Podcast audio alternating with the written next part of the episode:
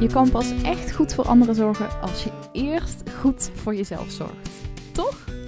Hoi en welkom bij een nieuwe podcast. Mijn naam is Lisa van der Veken en ik ben geluksexpert voor zorgverleners. En ik help zorgverleners om elke dag happy te worden. Om te gaan van elke dag zorgen voor anderen naar jouw geluk op nummer 1 te zetten. Want lieve zorgverlener, jij bent belangrijk. Jij doet ertoe. En ja, ik geloof er heel sterk in dat je juist goed voor anderen kan zorgen als je eerst goed voor jezelf zorgt.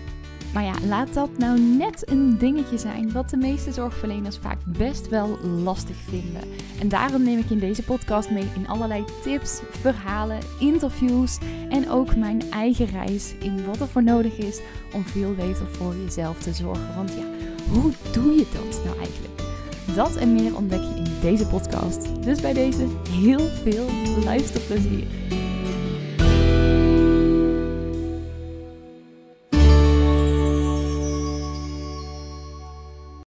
Hey, hey, hey, wat tof dat je weer luistert naar een nieuwe aflevering. En volgens mij wordt het echt de kortste podcast ooit. En uh, ik was eigenlijk van plan om net tijdens de wandeling die ik maakte in een park hier uh, vlak bij de HVA. Ik, sta nu, ik zit nu in de auto en ik moet zo nog anderhalve minuut rijden naar de HVA toe. En dan ga ik lekker aan de slag. Um, om tijdens de wandeling wilde ik eigenlijk de podcast opnemen. Maar um, ik had geen handschoenen mee en mijn vingers verkleumden al. Dus vandaar nu eventjes zit ik in de auto even lekker warm. En dacht ik, ja, maar dit wil ik wel echt gewoon nog heel, heel, heel graag met je delen. Want gisteren nam ik podcast op. Mocht je hem niet geluisterd hebben, luister hem dan vooral ook nog even terug. Over de nummer één reden die er in mijn ogen voor zorgt dat jij op dit moment te weinig uh, voor jezelf zorgt. Waardoor jij niet lekker in je vel zit.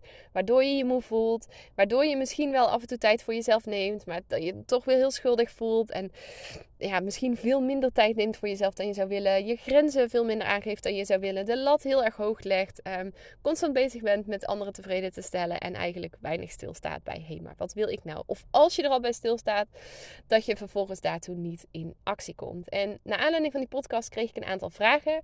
En ik wil eigenlijk, naar aanleiding van de vragen, want ik heb iedereen die me een vraag heeft gesteld inmiddels een berichtje teruggestuurd. Maar één overkoepelend ding daarover nog zeggen, met je delen, bij je, ik zou willen zeggen, bijna naar binnen rammen. Um, maar laten we het uh, liefdevol houden. Um, maar heel graag ja, jou willen laten horen waarvan ik denk dat het super, super, super waardevol is. En dat is dat ik je wil uitnodigen in deze podcast.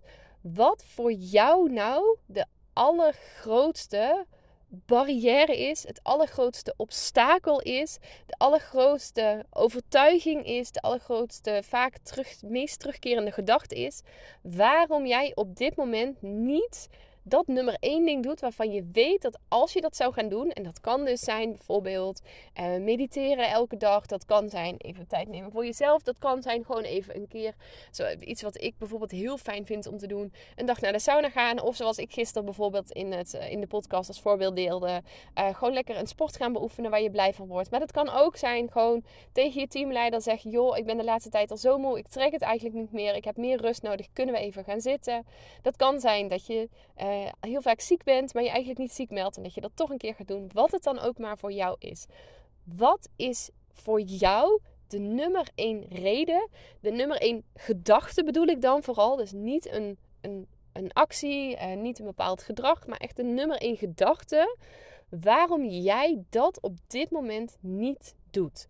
Want ik deelde gisteren over het grootste obstakel in de basis, waardoor we niet goed voor onszelf zorgen. Um, en dat het dus belangrijk is om juist in actie te komen. Nogmaals, luister de podcast vooral even terug. Maar de reden dat we daar vaak aan vasthouden, dat we wel weten wat we moeten doen, maar vervolgens niet in actie komen, is omdat er een bepaalde gedachte door je hoofd heen spookt. En vaak zijn het er meerdere, maar vaak is er eentje overheersend waarom we denken: ja, maar ik doe het toch niet. Of ja, maar dat kan toch niet. Of wat zullen anderen er wel niet van vinden. En voor mij was dat bijvoorbeeld met het zwemmen, wat ik gisteren deelde.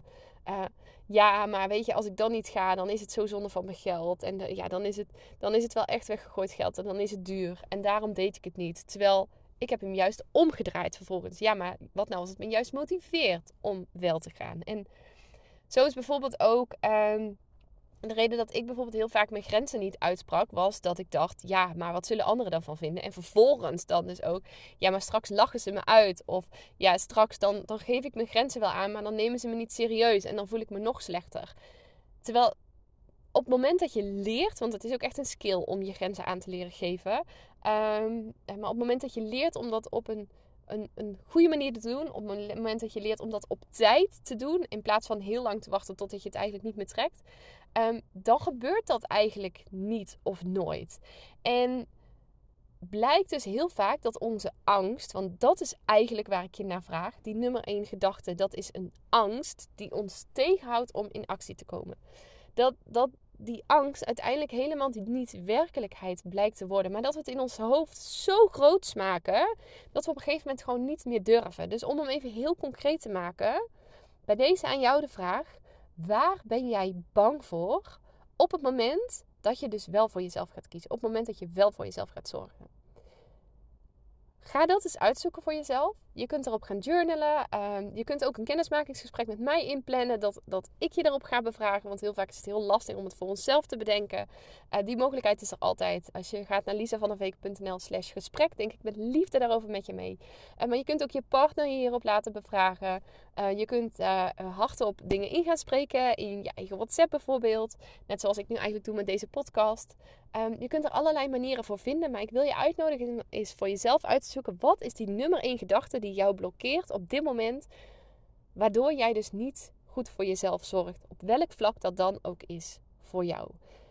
Als je die namelijk weet te vinden, weet te lokaliseren, weet waar je bang voor bent, wat die nummer één reden is, dan kan je vervolgens daar ook van een afstandje naar gaan kijken en jezelf vragen gaan stellen als: hé, hey, maar is dat eigenlijk wel waar? En, en uh, wat nu als het anders kan zijn? En wat zou ik tegen mijn beste vriendin zeggen als ze dit soort dingen zou denken, bijvoorbeeld? En dan neemt die gedachte vaak in kracht af. Maar goed, hier kan ik nog een hele podcast over opnemen. Uh, maar dat was nu niet de intentie. Um, nogmaals, ik kan je hier ook echt bij helpen uh, om dit dus ook los te laten. Dit doe ik sowieso in mijn traject zelfzorg voor zorgverleners. Gaan we hier helemaal op in. Juist heel erg kijken naar allerlei van dit soort gedachten. Enerzijds ga ik heel praktisch helpen met wat is er voor nodig. Hoe kan je praktisch goed voor jezelf zorgen? Welke stappen kan je zetten? Maar juist gaan we kijken naar wat zijn de redenen dat je het op dit moment niet doet. En hoe kunnen we die tackelen, zodat je dat wel gaat doen. En ondertussen de skills aanleren die daarvoor nodig zijn. Om dat ook tot een, een goede uh, uitvoering te brengen. Zoals bijvoorbeeld grenzen aangeven. Nou goed, ik ga nu stoppen, want anders dan wordt het alsnog een hele lange podcast. Maar ik wil jou eens uitnodigen. Ga eens voor jezelf onderzoeken. Waar ben je bang voor? Wat is de nummer één reden dat jij op dit moment niet doet? Waarvan je weet, maar als ik dit zou doen, als ik op die manier goed voor mezelf zou gaan zorgen, dan zou ik me al veel happier, relaxter, ontspannender voelen en veel meer plezier hebben. Lijkt me heel tof, van je, uh, tof om van je te horen. Uh, mocht je hiermee aan de slag zijn gegaan en het leuk vinden om te delen, stuur me vooral eventjes een berichtje. Ik wens je voor nu in ieder geval een hele fijne mooie dag en heel graag tot de volgende. Doei doeg!